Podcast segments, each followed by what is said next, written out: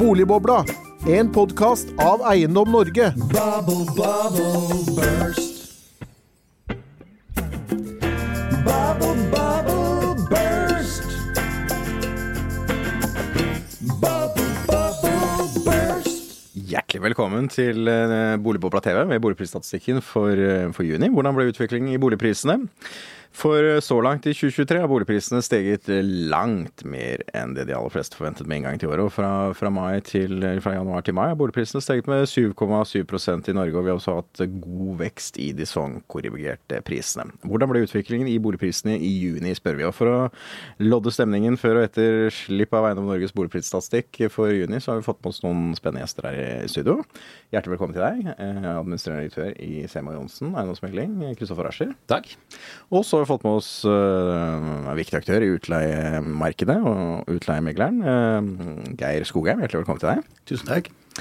Vi i Eiendom Norge vi er jo boligmarkedet en gang i, i måneden, pleier jeg å spøke med her. Uh, mens våre medlemmer de er der hver eneste dag. Kristoffer, hvordan har dagene i juni vært før vi får tallene? På, I bruktboligmarkedet, bruktboligmarkedet? ja, i bruktboligmarkedet så har dagene vært ekstremt hektiske. Så vi har hatt uh, en fantastisk juni. Solgt langt over budsjett. Uh, og stort sett solgt det aller meste vi har hatt ut for salg. Så, og Juni er jo det, et av de, de månedene i året hvor det også selges flest flest uh, bolig. Der er det mer aktivitet, eller er det mindre aktivitet enn eller hva skal si, normalen, om man kan kalle det? Det spørs hvor mye du zoomer inn. Uh, det er tilsynelatende veldig høy aktivitet. Vi har jo merket at den si, reduserte takten og tempoet i boligmarkedet som vi så i boligprisstatistikken forrige måned, også nå har si, materialisert seg ytterligere. Så vi ser at det er færre deltakere på hver visning, det er færre budgivere. Så det er eh, mindre liksom, underliggende aktivitet.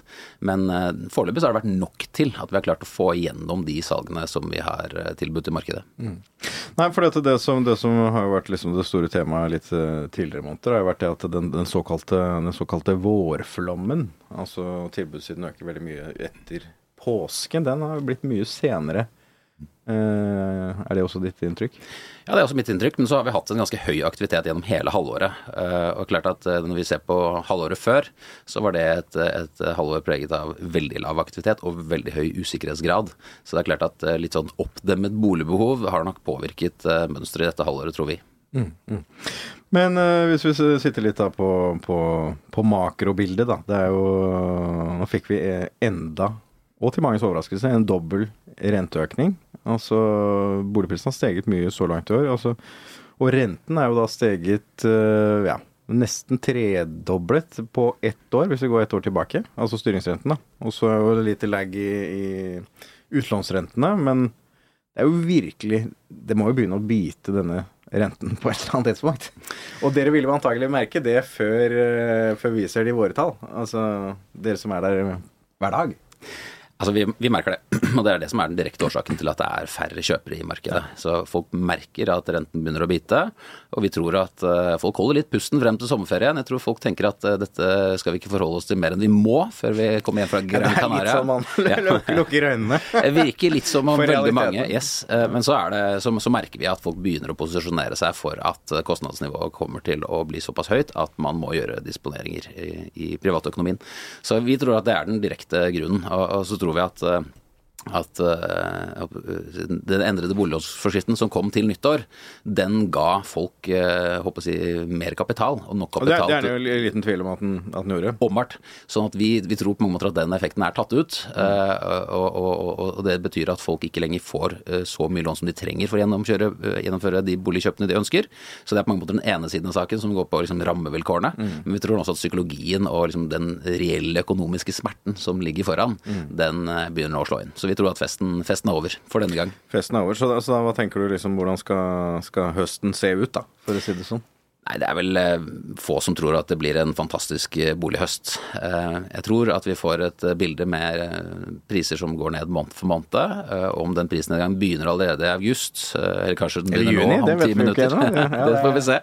25 minutter unna. Ja. Det, det, får vi se. Jeg tror kanskje vi får Jeg tror kanskje, jeg tror kanskje ikke det, skal du sikkert komme tilbake til. men Men eh, juli er jo en måned som er preget av veldig lav aktivitet i bruktboligmarkedet. Så det skjer ingen verdens ting. Og så er det jo eh, ikke sant, Boligbehovet er grunnleggende. Folk kjøper jo ikke bolig for å gjøre en økonomisk investering, de kjøper jo for å bo. Og veldig mange er, håper jeg, har vært på jakt etter å kjøpe bolig. eh, Og det er ikke sånn at man bare kan avslutte det. Man kan utsette det, man kan ikke avslutte det. Så mange som er kjøpere som ikke har fått uttelling for kjøpebehovene sine nå gjennom, gjennom våren, de vil oppleve at de ikke har noe tilbud. De har ikke noe å se på. Så nå drar de på ferie, 14 dager, slapper av, begynner å kjede seg, begynner å se på finn.no, ingenting for salg. Det er sånn midten av sommeren så tar aktiviteten på Finn seg opp, mener du? Det, det, tipper jeg du kan se tallene. Ikke sant? Og så er det ingenting å se på, ingenting å kjøpe. Og når det da kommer til august, og det omsider kommer ut eh, både en del nytt og gammelt eh, på markedet, så tror vi at det er litt oppdemmet kjøpebehov som tar ut en del av det. Og Derfor så tror vi at vi liksom ikke begynner på å kalle det nedturen ordentlig før vi kommer ut i september. Så høsten blir rød, mens vi tror august blir sånn noenlunde. Passe. Ja. Nei, men du, dette med boligbehov, det er jo en veldig bra overgang til deg, Geir, og dere i Utleiemegleren. For det er, jo, det er jo det som egentlig er avgjørende. Det er jo det at folk må bo. De må bo. Eh, og eh, hva skal du si, det har jo vært med 10, hva skal du si, 10-12-15 år med lave renter, så er kanskje ikke den reelle kostnaden med det å bo vært så tydelig, egentlig. Og det er kanskje også det som har gjort at da, du sa tidligere, leieprisene har liksom aldri steget mer enn boligprisene. Nei. Eh, Men det gjør de nå. Det er veldig spesielt nå. Ja. Og spesielt i de store byene og pressområdene så ser vi jo der eksplosjonsartet eh, prisvekst. Eh, Og det er utfordrende. Spesielt for leietakerne som skal inn i dette markedet nå, og spesielt da for studenter og folk som ikke har så mye penger. Men altså, hvorfor er det da det siste året Altså, én ting er pandemien, som åpenbart var en stor forstyrrelse i både i boligmarkedet og økonomien som sådan, men, men definitivt i leiemarkedet, fordi folk, eh, studentene, typ flyttet hjem. Og mange andre, og gjestearbeidere osv., som er typisk utleiemarkedet. Men, men hvorfor stiger altså leieprisene så mye? Altså, det er jo en historisk sterk vekst det siste året. Det er det. Over 10 er i hvert fall den statistikken vi har, som vi samarbeider med dere om. Og det vi dessverre ser, er at det blir færre boliger i utleiemarkedet. Eh, Det blir vesentlig flere leietagere. Bare de siste eh, årene så har det blitt 90 000 flere eh, leietagere i markedet, mens antall sekundærboliger har gått ned med 9000 boliger siden 2019. Det er nasjonalt, da? Den, det er nasjonalt, ja. Men 6000 av de 9000 boligene som har blitt borte, da, det er jo da fra Oslo-markedet. Så det er jo spesielt Oslo som sliter, men også de andre store byene og pressområdene. Og en av grunnene er jo det at det å være investor, det å være boliginvestor, det har blitt eh, tøffere. Eh, de, de blir skattlagt eh, hardere. Det er tøffere formuesskatt. Men kanskje den eh, største grunnen er formuesverdien, som nå er eh, 100 eh, Ja, da- så du får ikke skatterabatten, som du ikke tidligere har skatterabatten. Det er null skatterabatt. Null skatterabatt. Går man tilbake til 2015, så var det 60 eh, Hvis man ser på aksjer og aksjefond, så er den eh, er, den, er det en eh, rabatt på 20 mm. Og vi mener at det er feil at det ikke er noe rabatt på I hvert fall burde det vært likt, da, hvis det, Det er om ikke det. annet. Ja. Så det er det vi tenker, at der er det noe å, å hente. Eh, Og så ser vi jo det at det er eh, nesten ikke noe nyboligsalg. Eh, Mange av disse investorene var jo de som gjorde at kanskje nye prosjekter kom i gang. Det var stor interesse for nyboliger, slike ting. Eh, Når de små og mellomstore investorene blir borte, så blir jo det også være utfordrende for nyboligsalget. Og vi må ha et differensiert og bredt eh, leiemarked i Norge som vokser i takt med etterspørselen.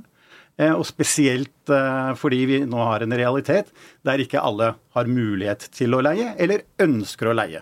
For vi ser nå at flere og flere mennesker ønsker ikke å sette så mye penger, eller så mye av pengene sine i bolig. De ønsker å ha en friere økonomi, og ønsker da å leie istedenfor. Men, men for å ta bare litt tilbake til det du var, inne på her. Altså, du sier da uh, 6000 altså sekundærboliger er tatt ut av markedet. Er det ut av pandemien, eller er det liksom siste år? Eller hva er Fra på en måte- 2019. Fra 2019, ja. Så det er den sekundærboligtellingen da fra, fra Norges Eiendomsmeglerforbund bitt av. Ja. Mm. Så det har vel aldri vært eh, færre sekundærboliger ennå. Det var jo en oppgang på sekundærboliger hele veien opp til 2019, og så har jo da kurven pekt nedover nå og er på det aller laveste. Mm. Så, så du, du relaterer da mye av denne utviklingen altså til, til eh, tilbudssiden i realiteten, da? Ja. Mm, mm. Men, men samtidig så er det jo, er det jo ting på, på etterspørselssiden som, som definitivt er endring. Og det, og det er jo renten, for det første. Det er skatt. Altså, det, det er jo egentlig litt sånn perfekt storm, egentlig, det som har skjedd i leiemarkedet, eller, eller hva tenker du? Jf. utviklingen, da. Ja, altså, det er både tilbudet er strupt, etterspørsels- eller rammevilkårene er endret dramatisk i realiteten. Ja.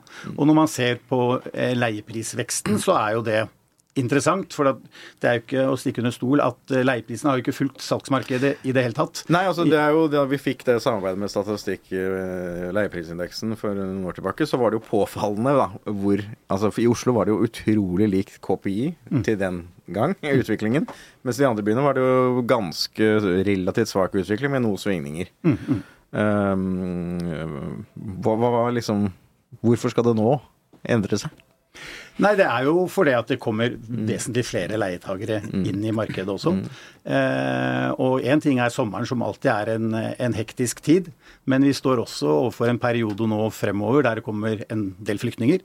De må vi også ha plass til. Eh, og de leieprisene vi ser nå eh, Tilbakemeldinger i går. Oslo. Leiepriser toroms 20 000 kroner. Går på første visning. Treromsleiligheter, helt standard treromsleiligheter, opp mot 30 000 i leiepris. Det er klart det er en enorm økning. Det er økning fra i fjor på 3000-4000 kroner for, for noen av leilighetene. Og det er klart at det er en utvikling vi bare ser begynnelsen av. Eh, Og er det det vi ønsker videre? For det er klart Men- men dette ser vil øke ser- videre. Du ser for deg at da vi skal enda høyere? Vi skal nok det. Ja. Vi skal nok det, og nå er vi jo vært innom juni, som er den første måneden i den store sommerbiten i utleiebransjen. Men det er klart juli og august blir enda tøffere. Så de leietagerne som ikke har vært ute for å finne seg en eh, leilighet til studiestart eller til eh, arbeidsstart etter ferien, de må absolutt ut nå, for det at i juli og august så vil leiemarkedet i de store byene og pressområdene bli veldig tøft. Men går det ikke an å tenke seg på, på et eller annet tidspunkt eh, Ja, det er definitivt hva skal si, de, de svakeste i samfunnet som betaler prisen for, eh, for leie, de høye leieprisene. Eh, men det går vel an å tenke seg at altså når pris, leieprisen er kommet opp på et visst nivå, så vil også investorene komme tilbake, eller hva tenker du om det? Ja, vi får uh, se. Altså På Eh, et eller annet tidspunkt vil jo avkastningen, selv den direkteavkastningen på utleie, bli attraktivt antagelig, da. Jo, det, det er klart. Så vi får jo tro det. Men allikevel så kunne man gjort noe for å ikke få de eksplosjonsartede leieprisene også, ved å gjøre noe med skattesatsene og, og det for, for investorene, slik at de ikke trenger å ta de høye prisene. ikke sant? Når de får de tingene i tillegg til høyere felleskostnader, høyere levekostnader osv., så, videre, så presser alle disse tingene leieprisen, syns jeg da, altfor høyt. Og det er, det er ikke et slikt samfunn vi, vi ønsker, med slike leiesummer som vi da vil se. Og så må du se på hva, hvem er investorene. ikke sant? For at En veldig stor del av kall det investorene i markedet det har vært typiske eh, vanlige mann i gata som har hatt litt penger til overs. Og så har de unge barn, og så tenker de at eh, disse barna skal Det er eh, sparing, Ikke da. Sparing. Ikke sant? Og de har ikke et sånt direkte rasjonelt avkastningskrav. Og Nei, det er mer sånn litt følelse, litt planlegging, litt Det er flere Så lenge det går rundt, har liksom vært greia. Så, ikke sant? Og da, dermed så er det sånn at, eh, at eh, man har akseptert å være investor med en avkastning på bolig i Oslo på 2-3-4% Altså Det har jo vært eh, altså. En rasjonell aktør ville jo ikke akseptert det. Absolutt sånn. ikke. Og derfor så er det sånn at selv om, selv om leieprisen stiger, de skal stige mye før det på mange måter endrer seg. Og det er ikke det som er det grunnleggende problemet som gjør at vi får eh, få, av disse kall investorene inn i markedet. Og nå står vi også foran en periode hvor vi sannsynligvis vil få reduksjon i boligprisene. Mm. og det, det påvirker jo håper jeg, den psykologiske siden av det å, å gå inn med sparepengene eh, når du egentlig ikke må. Det sammenligna med et veldig høyt skattetrykk gjør at eh, det, vi er helt enige med Skogheim. Det kommer til å bli færre utleieboliger. Geir? Og det er så viktig det du sier, akkurat det med de små og mellomstore investorene. Det er de vi trenger i markedet. Det er de som klarer å på en måte holde prisene noe nede. De har litt andre inngangsvinkler enn de store aktørene. Og fortsetter det slik som nå, så vil mye av utleieleilighetene eies av store norske aktører eller utenlandske aktører. Og det er ikke slik et godt norsk utleiemarked skal fungere. Nei, for dette tralten rent politisk da har jo vært, altså så lenge jeg har jobbet med denne saken, det har vært at nei, den, det er veldig negativt. Den såkalte, hva skal det, sekundærboligspekulasjonen. Men, men antagelig så har jo den, altså for mange små aktørers vilje til å nettopp å investere i utleieboliger, det har jo bidratt til å holde leieprisene antagelig ganske moderate. Ja. Og det er det som har gitt, hva skal du si, et eh, relativt rimelig boligmarked også. Utleiemarked i de store byene, antagelig.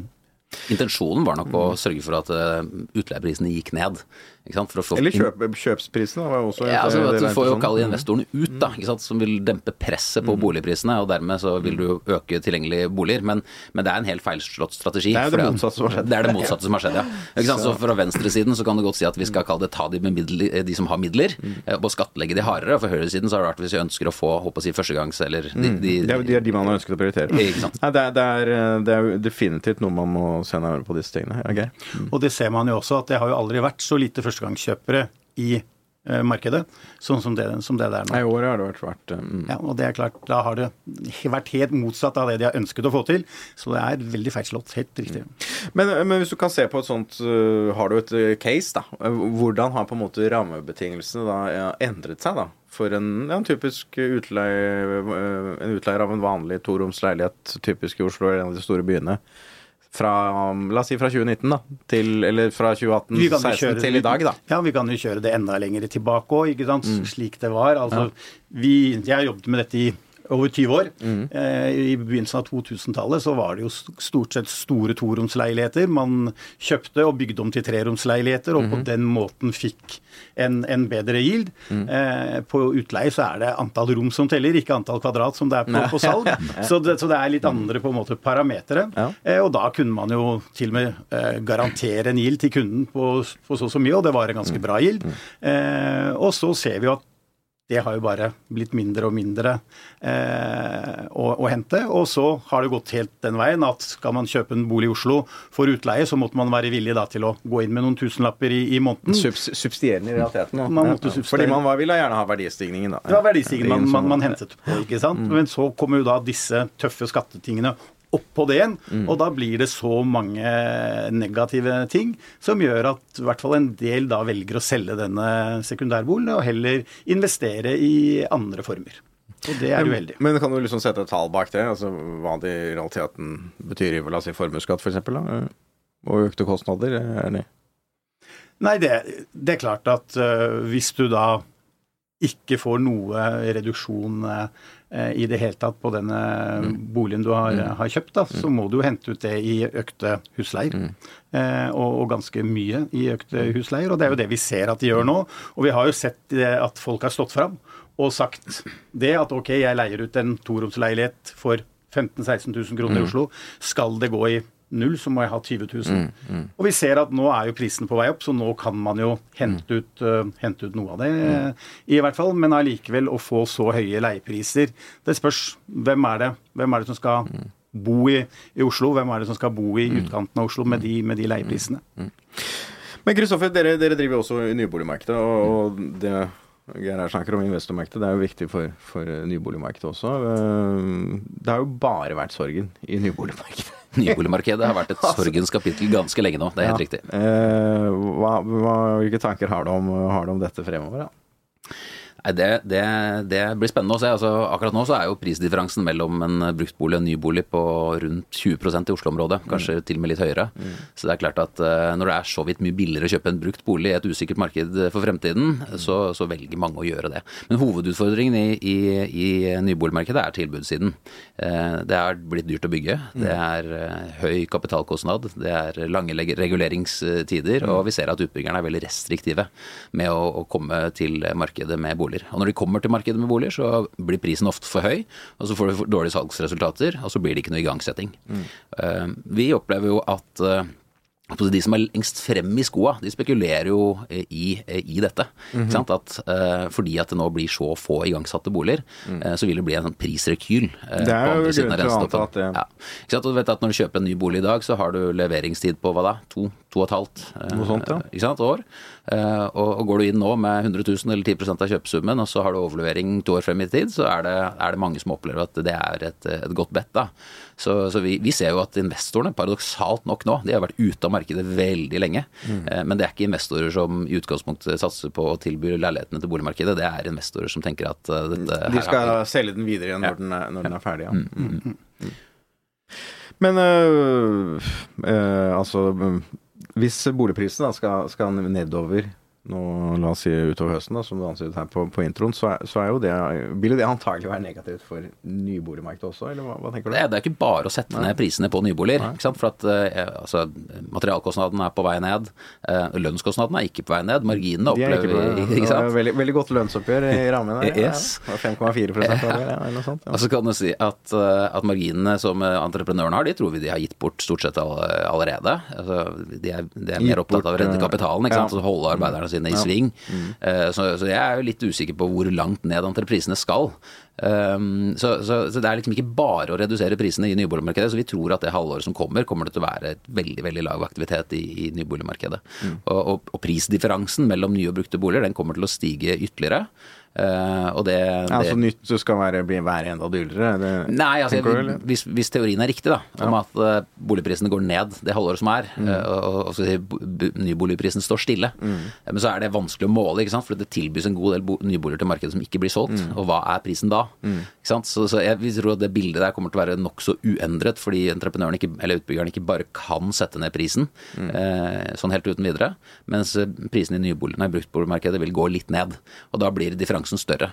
Så, så hva som blir enden på visa der, det er jo, håper å si, eh, når vi på et eller annet tidspunkt ser eh, rentenedgang og psykologien i markedet snur, eh, så vil jo på mange måter eh, oppdemmet aktivitet pluss eh, håper å si, befolkningsøkningen. Da. Eh, Det ble en eh, flyktning fra Ukraina. eh, Ikke sant? Det er jo det som er, er den underliggende driveren. Det er jo Det er faktisk folks behov ja. for å bo. Ja. Så i, i et, som et perfekt verden, hvis, hvis man hadde fjernet psykologien fra dette, så kunne du hatt en mye slags jevnere tilnærming. Men det vi har opplevd de siste 20 årene hvor jeg har vært i dette markedet, er at det er blitt stadig viktigere med, med psykologien. eh? Og veien fra nyheter til liksom, hvordan påvirker det meg som Og boligeier er så nyhetene er jo også de er mer instant og hyppigere også. instant, yes. Mm. Og det er jo det vi ser med den boligprisstatistikken, som vi nå skal få om ni minutter også. Den, den er jo blitt mer instant, den er blitt bedre, den er blitt mer sensitiv, osv. Og Det, det har ført til en helt sånn, et nytt sånn mønster i, i bruktboligmarkedet. Det, er helt, det er interessant. I de par og tyve årene som jeg har vært eh, i, i bransjen, så har, har det vært et sånn firedelt marked. marked. Ikke sant? Helt crazy banana i, i starten av året. Første kvartal, Første kvartal, effekten, helt, ja. Og så kommer tilbudssiden opp, og så roer det seg Vårflommen, fram mot sommeren. ja, ja. Ikke sant? Og så skjer ingenting i juli. Bånn gass i august-september, og så roer det seg mot slutten av året. Så det har vært en, et klart mønster i hvert eneste år. Men de siste tre årene, de siste to og et halvt, og hvis vi får rett da, i at det blir litt roligere marked nå i, i andre halvår, så har vi et todelt marked. Bånn gass i første halvår, full brems i andre halvår. Og hvis det slår til, så blir det tredje året på rad at vi har den psykologien. Og du kan si, det er jo mange av rammeforutsetningene som, som, som har endret seg. Så, så de årene er på mange måter ikke Vi kan ikke bare skylde på rammeforutsetningene heller. Så eh, vi ser på det mønsteret og lurer Altså, litt det er den jo, normalen. det er jo en, en form for ubalanse, da.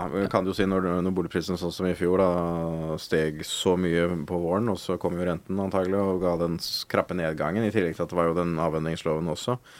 Men, øh, men i år da så har vi jo hatt altså da Det var ingen som trodde vi skulle altså ende nå ved inngangen, øh, utgangen av mai på, på 7,7% opp. Det er jo det er heftig. Ja, Vi meldte bunnen var nådd 15.12. i fjor. Ja, det, det gjorde jeg. Nei, det var ikke så mange som gjorde. Men, Men men dere var kanskje alene der. vi, vi var tidlig ute der. Men, og så, så, så At det ble 7,7, det var mye mer enn vi trodde også. Men at vi skulle ha en positiv utvikling den første halvåret, det var vi helt sikre på for slutten av fjoråret. Men vi kommer til å se det samme nå. Det betyr jo i realiteten at det er tidenes kjøpsmulighet nå andre halvår. da. Fordi, fordi boligprisene skal ned pga. Av, av økt rentebelastning og dårlig psykologi. Eh, Men de skal opp på sikt pga. nullproduksjon Mm.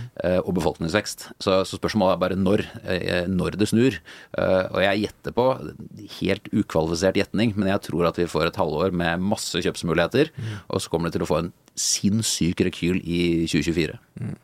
Men altså, hvis bruktboligprisen da skal ned nå, at det skal være de kjøpsmulighetene, så skulle man kanskje også tro at de, de investorene da, som driver med utleie, også kanskje vil komme tilbake. Jeg vet ikke. Jo, og det er jo det vi jobber med. Det er jo, det er jo de, de, de vi tar kontakt med og presenterer muligheter nå. Det kommer muligheter, som du sier, til, til høsten. En annen ting som kommer til å skje, er jo det at vi vet når det er litt tøft i salgsmarkedet og, bremsene, og, og prisene bremser litt, så vil flere legge ut eh, boligen sin i utleiemarkedet. Så det vil jo hjelpe til noe, men vi vet at de også blir der ganske kort, for de ønsker jo å selge. Eh, og de blir der kanskje i ni til tolv måneder. Eh, så, så, det er klart at et slikt marked det er interessant for investorene som er våkne, og kan gjøre gode kjøp. For det å eie utleiebolig i pressområdene eller de store byene, det vil alltid være interessant. Men du må på en måte, som nå, når det er tøffe tider og høye renter, ha, ha muligheten til å sitte over de litt tøffere periodene. Mm. Eh, riktig, riktig. Så, men vi har eh, seks minutter unna, unna, boligprisen her. Hva, kan vi ta litt på, på selve Skal prøve å tallfeste noen forventninger her, da. Eh, Geir, har du lyst til å være først ute? Hva var juni? Det er jo kanskje alltid litt svakere enn mai. Hva, hva tror du om, om utviklingen? da? Nei, jeg får jo eh, høre litt på de Det sikre er å si mellom null og én. får jo høre litt på de ekspertene, ja, som jeg alltid pleier å si, at uh, du skal ikke uh, spørre en utleiemegler om salgspriser, og du skal heller ikke spørre en mm. salgsmegler om utleiepriser. Mm. Det er derfor vi driver med det vi driver med, og mm. salgsmeglerne driver med det de driver med. Men jeg vil jo tro at det er en ganske utflatning nå, eller med en bitte liten oppgang. Og så er jeg vel ganske enig om at det sikkert blir vesentlig tøffere utover høsten. Mm. Altså, hva, hva Altså Den underliggende trenden vil egentlig tilsvare en prisreduksjon på mm. tallene som kommer nå. Mm. Men, så de sesongjusterte prisene, de antar du skal ned, ja? Mm. det tror jeg. Og det var jo flatt sesongjustert da i, i, i mai, og så var det jo tre måneder før det med, med sesongjustert oppgang, så mm. Men det er jo, altså virkeligheten for selgerne har på mange måter, altså selv om virkeligheten om økte kostnader begynner å Der ser vi, ser vi Henning kommer på vei ned til pressekonferanse også, ja. Mm. Altså, jeg tror at eh, Selv om mange begynner å ane konturene av et høyt kostnadsnivå og motivasjonen for å selge er høy, så er den ikke høy nok til at man velger å selge veldig langt under eh, forventet pris. Jeg tror det er mange som tenker at ja, ja, vi har alltids en mulighet i august hvis ikke vi får den prisen vi vil ha. Med mindre så, man sitter dobbelteksponert, da. Ja, men selv om man sitter dobbelteksponert, så tror jeg Så er det mange måte, som har is i magen, tenker du? Det er en del som har is i magen, vi opplever det. Mm. Så, så, dermed så tror vi at, eh, at mange har, har, heller valgt ikke å selge, og at du dermed ikke får den, si, den, prisnedgangen som jeg tror egentlig allerede har begynt. Den tror vi mm. kanskje ikke vi ser i statistikken denne omgang. Mm. Men det blir veldig spennende å se. Men hvis vi tenker litt på, på renten, da. Er det, er det sannsynlig at renten virker ulikt på ulike priser? Altså de dyrere boligene kanskje mer rammet? Jeg vet ikke. Hva tenker du? Nei, det er uh... Noen segmenter er mer utsatt for renteøkningene. Det er jo klart at det er jo gjerne unge i etableringsfasen som har mest gjeld, typisk, da, f.eks. Ja, så De unge i etableringsfasen er jo på mange måter mest begrenset av eh, rammevilkårene og begrensningen i hvor mye kapital de får tilgang på. Mm.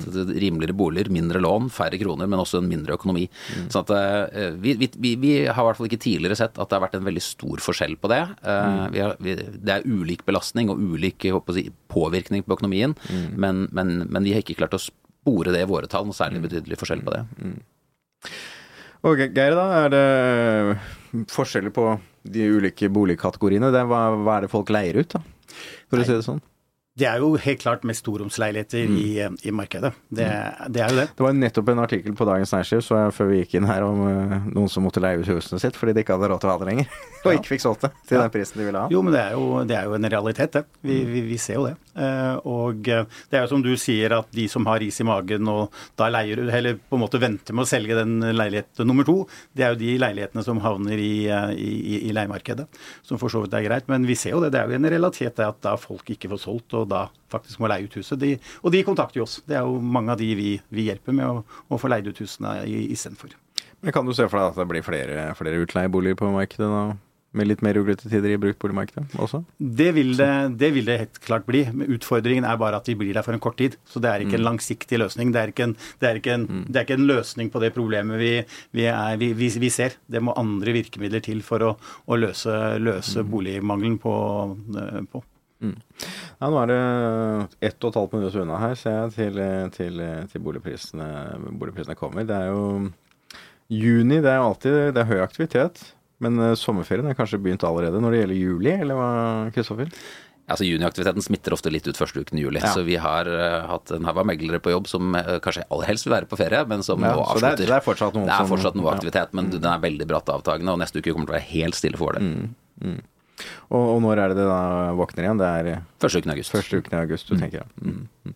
Geir? Mens vi da har det er motsatt. motsatt, at hos oss er jo alle meglere på jobb og full, full, fart, og det vil det være i hele juli og august også. Vi driver jo også med utleie, så våre utleiemeglere er også bånn gass. hele juli. Ja. Så skal vi se, da er det rekker kanskje en lite stikk eh, enda, men um, blir det soveposer og, på visningene, eller på, og lange køer utenfor? Også Det- i år, tror du, eller? Er allerede lange køer på, på en del av boligene, så ja, det blir det. Vi har opplevd budrunder for første gang i utleiemarkedet på mange mange år i løpet av de siste ukene. Og det vil jeg sterkt eh, fraråde. Ja. Da får man ofte de leietakerne man ikke ønsker, så vi i utleiemegleren har faste priser og, og på en måte eh, sjekker alle leietakerne. Så hvordan er det da sorteringen foregår da, når det ikke er hva skal vi si, bud som er avgjør? Er det, er det som en jobbsøknad, da, eller er det Soliditet. Ja, soliditet. Og, ja.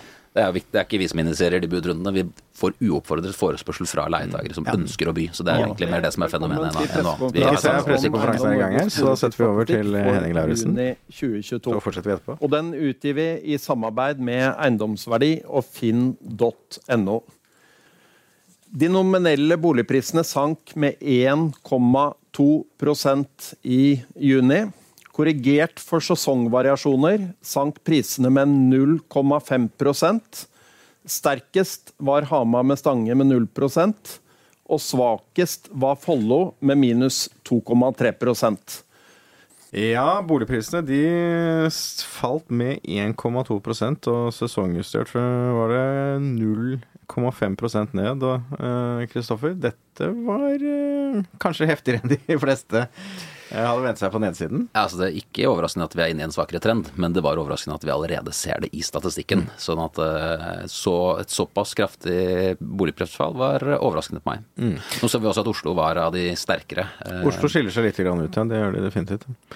Uh, ned 6,4 så langt. Det kan, kan bli ru- ruglete. Nei, unnskyld, opp Opp 6,4. 6,4 så langt i år. Fra da det var 7,5. Så det er jo en, det er en betydelig korrigering eh, fra, fra den trenden. Uh, Dette kan jo bli ruglete fremover. Mer ruglete enn det vi kanskje snakket om på for, forhånd her. Ja, Eller? vel, det var som jeg var inne på i sted. Altså, Ja. Vi kommer til å se akkurat den samme trenden som vi så i fjor. ikke sant? Siste halvår i fjor ned 7,7% pluss minus. Første halvår år opp 7% Og skal vi ned igjen, så er det den halvårige berg-og-dal-banen som vi nå begynner å bli vant til. Nei, vi i Norge vi hadde jo da en prognose ved inngangen til året, og den, den var jo minus 3,5. Eh, hvis boligprisen skal falle like mye som i høst, så kan det faktisk hende vi, vi treffer på den eh, prognosen. Hva, hva tenker du om et sånt scenario? Nei, vi, vi tror eh, at det er litt begrenset hvor langt boligprisene kan falle fordi tilbudssiden er så svak på nyboligsiden. og Det kommer på mange måter til å redde, redde prisene. Hadde vi hatt den tilbudssiden vi hadde for to år siden eh, og, og, og bakover, så ville vi hatt et kraftigere boligprisfall, tror vi. Og så er det jo renten som eh, på et eller annet tidspunkt må eller skal gi seg. Når det skjer, så vil jo det håper jeg, gi litt bensin på bålet. Og, Én ting er at man nå merker reduksjon i boligprisene pga. at renten begynner å bite, men den psykologiske effekten av at renten begynner å settes ned, tror vi kommer til å merkes ganske instant Og det og er, det, lenge man, før det er det man historisk også har sett, er jo det at rentenedsettelser virker skarpere enn en, en, en, renteøkninger. Men, men en annen ting som er oppsiktsvekkende med tallene nå, det, det er jo volumet. Altså, vi snakker jo Det er veldig høyt volum. Særlig tilbudsvolumet var jeg veldig overrasket altså, en ting er- over. 13,5 opp, det, Ja. det var veldig overraskende. Men det er jo også solgt øh, Det var en som introduserte et godt begrep her for et par episoder siden, at det, det dreneres godt unna i, i boligmarkedet. Og det, det er virkelig altså Vi snakker jo nå det er det største salget i bruktboligmarkedet, øh, så vidt jeg hørte han sa, uavhengig av pandemiåret. Så, så det er jo oppsiktsvekkende stort volum. Det er oppsiktsvekkende stort volum, men det er som vi opplever. Vi selger stort sett unna alt vi har kommet med til markedet. Så er det jo kanskje ikke så oppsiktsvekkende hvis du ser at eh, man gjennom siste halvår i fjor, som var et svakt halvår, var det mange som valgte å utsette boligkjøpet sitt fordi at det var et ruglete marked. Men det er som jeg også sa, at du, du kan gjerne utsette eh, boligkjøpet ditt, men eh, du kan ikke avlyse det. Nei, for det er jo, som du var inne på, det er boligbehov. Eh, Du nevnte at en utleiemegler ikke skulle si noe om bruktboligpriser, men det er klart at det betyr jo noe for dere hvordan dette utvikler seg. Helt klart. helt klart. Og vi har jo lagt merke til nå i starten av året at det er en del som har, eller noen som har solgt utleieboligen sin. Og vi har jo sagt og sier fortsatt at eh, har man mulighet til å sitte over, så anbefaler vi helt klart det. Og så får vi se da om tilbudssiden på, på salg blir noe mindre utover høsten. Jeg vil tro at de da som har prøvd å selge ut leieboligen sin, har gjort det nå. Og de som ikke har gjort det, velger å fortsette å, å leie ut fremover. Og det er eh, viktig for oss. Eh, ellers så var vi jo, snakket litt om, om rammebetingelsene på, på, på for, forhånd, og det Eiendom Norges eh, keypoint her fra Henning, det var jo utlånsforskriften. Den må bort nå. Jo høyere renten blir, jo, jo mindre legitimitet har den. Det er vel et budskap du er Dere begge antagelig er enig i? Ja, det er lett å være enig i. Og det er klart at eh, det er ikke tjent for noen å ha et så, håper si, så, så eh, håper si, uforutsigbart boligmarked som vi ser konturene av nå. Det er, det er, alle parter er, er tjent med at vi har en jevnere utvikling eh, og større forutsigbarhet. For at det er tross alt bytte av boliger vi snakker om. Det er, i, det er ikke primært sett en investering. Og for Ola Nordmann å kunne ha forutsigbarhet for at vi får solgt den boligen som vi har når vi har kjøpt en ny, eh, innen rimelig tid til en fornuftig antatt pris, det er viktig for den norske boligmodellen. Så uh, renten holder. Vi trenger ikke ytterligere begrensninger på folks muligheter til å, å, å få nok kapital til å gjennomføre det boligkjøpet de ønsker. Nei, så Vi kommer i hvert fall til å jobbe for det, men kan, kan vi se for oss liksom uh, Egentlig skal jo den utlånsforskriften gjelde i to år, da. Men, men gitt at uh, i realiteten så er jo rammebetingelsene for utlånsforskriften er jo betydelig endret nå med renten. Altså Endringene i utlånsforskriften ble jo satt med utgangspunkt i en helt annen renteutvikling enn det vi faktisk har sett nå, nå i løpet av året. Um, vi snakket om den effekten av lettelsen i utlånsforskriftene. Det, effekten av utlånsforskriftene vi har nå, kommer definitivt til å bli skarpere jo høyere renten vi blir også. Åpenbart.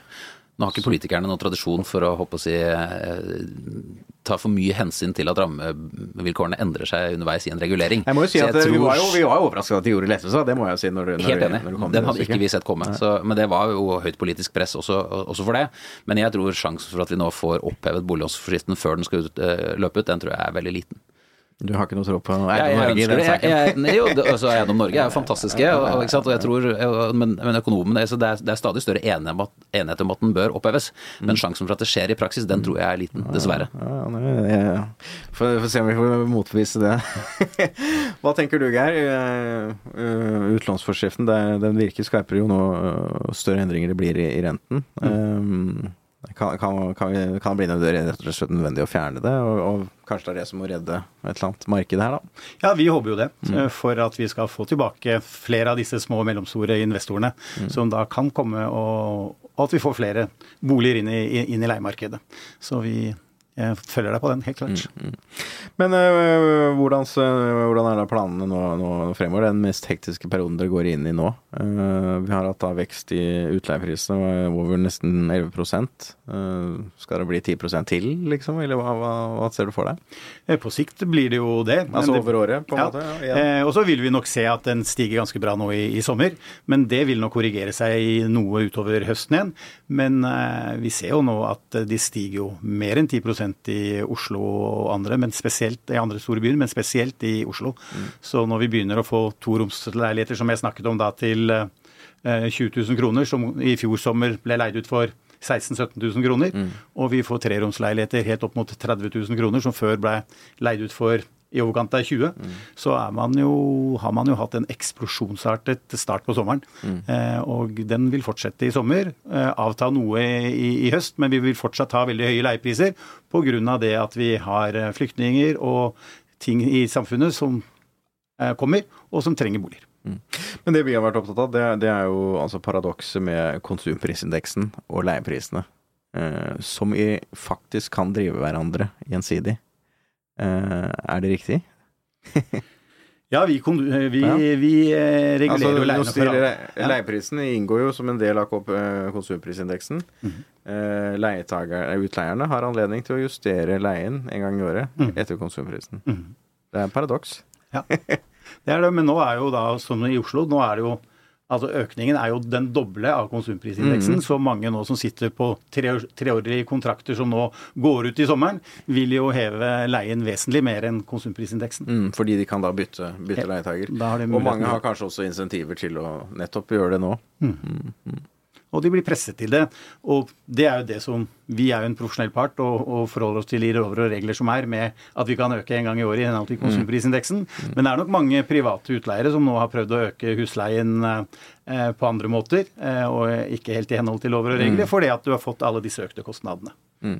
Men altså historisk har man jo ikke egentlig liksom sånn kanskje ikke vært så bevisst på disse tingene. Jeg vet ikke hvordan, hvordan har, eh, har egentlig historisk forholdet vært til, til den institusjonelle muligheten til det, etter deres erfaring? Veldig varierende. Ja. Og veldig mange private som ikke benytter seg av den muligheten. Nei, jeg er jo lei du selv, og jeg kan ikke, kan ikke huske at jeg brydde meg noe særlig om det. Nei, Og da er det jo en fordel å bruke en profesjonell aktør. Det var fornøyd med den leietageren jeg fikk. Ja. Ja. men da er det greit å bruke en profesjonell aktør som ivaretar de rettighetene du har som utleier. Eh, Kristoffer, hva, hva tenker du om eh, leiemarkedet? Altså På et eller annet tidspunkt så når man noen tak. Mm. ikke sant? En treroms leilighet til 30 000 kroner, den kan ikke koste 40 sånn som så, så, så, Ja, situasjonen er nå. Ja, selvfølgelig kommer til å koste 40 på et eller annet tidspunkt, men ikke Altså, sant? hvis vi I snakker om andre store byer i verden så er jo leieprisene helt eh, ekstremt høye. Definitivt. Så, men det er klart at mm, tradisjonelt sett i Norge så har vi jo sett at de som er i leiemarkedet, er de som er midlertidig i leiemarkedet, eller de som ikke har økonomi til å være i eh, eiemarkedet. At der ligger det en naturlig begrensning som henger sammen med vår eierkultur i Norge, som gjør at jeg tror det legger en viss begrensning på, på, på prisveksten i utleiemarkedet. eh, eh, I motsetning til om det hadde vært et fritt regulert marked hvor det ikke var noe kall det, stigma for å leie bolig fremfor å eie bolig. Geir? Men det er jo klart, det er jo de små leilighetene som øker mest. Og utfordringen her er at de små leilighetene begynner å, å, å møte de, de store leilighetene. Slik at uh, vi ser jo det. Det er jo toroms- og treromsleiligheter som går mye, og også etterroms. Og så er det jo slik at ikke bygg, de, ja, byggeforskriften med 35 kvadratmeters leiligheter, den er jo ikke hensiktsmessig. Folk ønsker å bo, bo mindre enn det, og da må det bygges slike leiligheter. I hvert fall i storbyene og pressområdene, slik at vi får, får plass til flest mulig mennesker. Nå er det jo, er det kommunevalg eh, om, eh, i september, da, 11. september er det vel. Eh, og dette er jo faktisk en sak her i, både her i Oslo, men også nasjonalt, så er jo i hvert fall Høyre utpekt det som en viktig sak. Eh, og de ønsker jo, Høyre ønsker jo her i byrådet, hvis de kommer i byrådet, å oppheve utlåns... eh, Unnskyld. eh, leilighetsnormen. Har du, har du noen forhåpninger på at det kan bli en realitet? Jeg får jo virkelig håpe det, for det er så viktig. Og jeg håper virkelig at bolig blir en politisk sak i, i valgkampen. For den er kjempeviktig. Det er hvordan er det vi skal bo i fremtiden. Det valget tar vi nå. Og jo lengre vi venter med å ta ordentlige grep, desto større utfordringer blir dette her. Så det bør være en viktig politisk sak i valgkampen. Men det er en vanskelig politisk sak. Men husk at når den leilighetsnormen ble innført i sin tid, så var det for å sørge for, da, var det for, å sørge for at familiene hadde et reelt alternativ til å bo i byene. Det er jo politisk enighet om at vi ønsker mangfold. Så vi ønsker familier i byene. Vi ønsker små leiligheter, altså etablere byene, men vi ønsker også leietagere i, i, bomiksen. For at det er det som skaper gode miljøer. At det er folk med forskjellig økonomi, forskjellige interesser, forskjellige livsfaser. Så sånn at når du prøver å begrense i den ene enden, så tyter det litt ut i den andre enden. Så det der er ingen enkel løsning. Og jeg tror at det vil møte ganske stor motstand å oppheve leilighetsnormen, selv om vi er veldig for det, basert på hva markedet ønsker seg. Nei, men det er jo, Vårt poeng har jo hele tiden vært at altså, med TEK10, altså den tekniske forskriften fra TEK10, så opphevet man egentlig behovet for en leilighetsnorm. For det var ikke da praktisk mulig, eller teknisk mulig å bygge leiligheter under 35 eh, kvadratmeter, som den da ønsket, eh, ønsket å forby. For det var jo da altså, veldig små leiligheter den leilighetsnormen var rettet mot nettopp de som var under 20 og 18 og, og den type ting.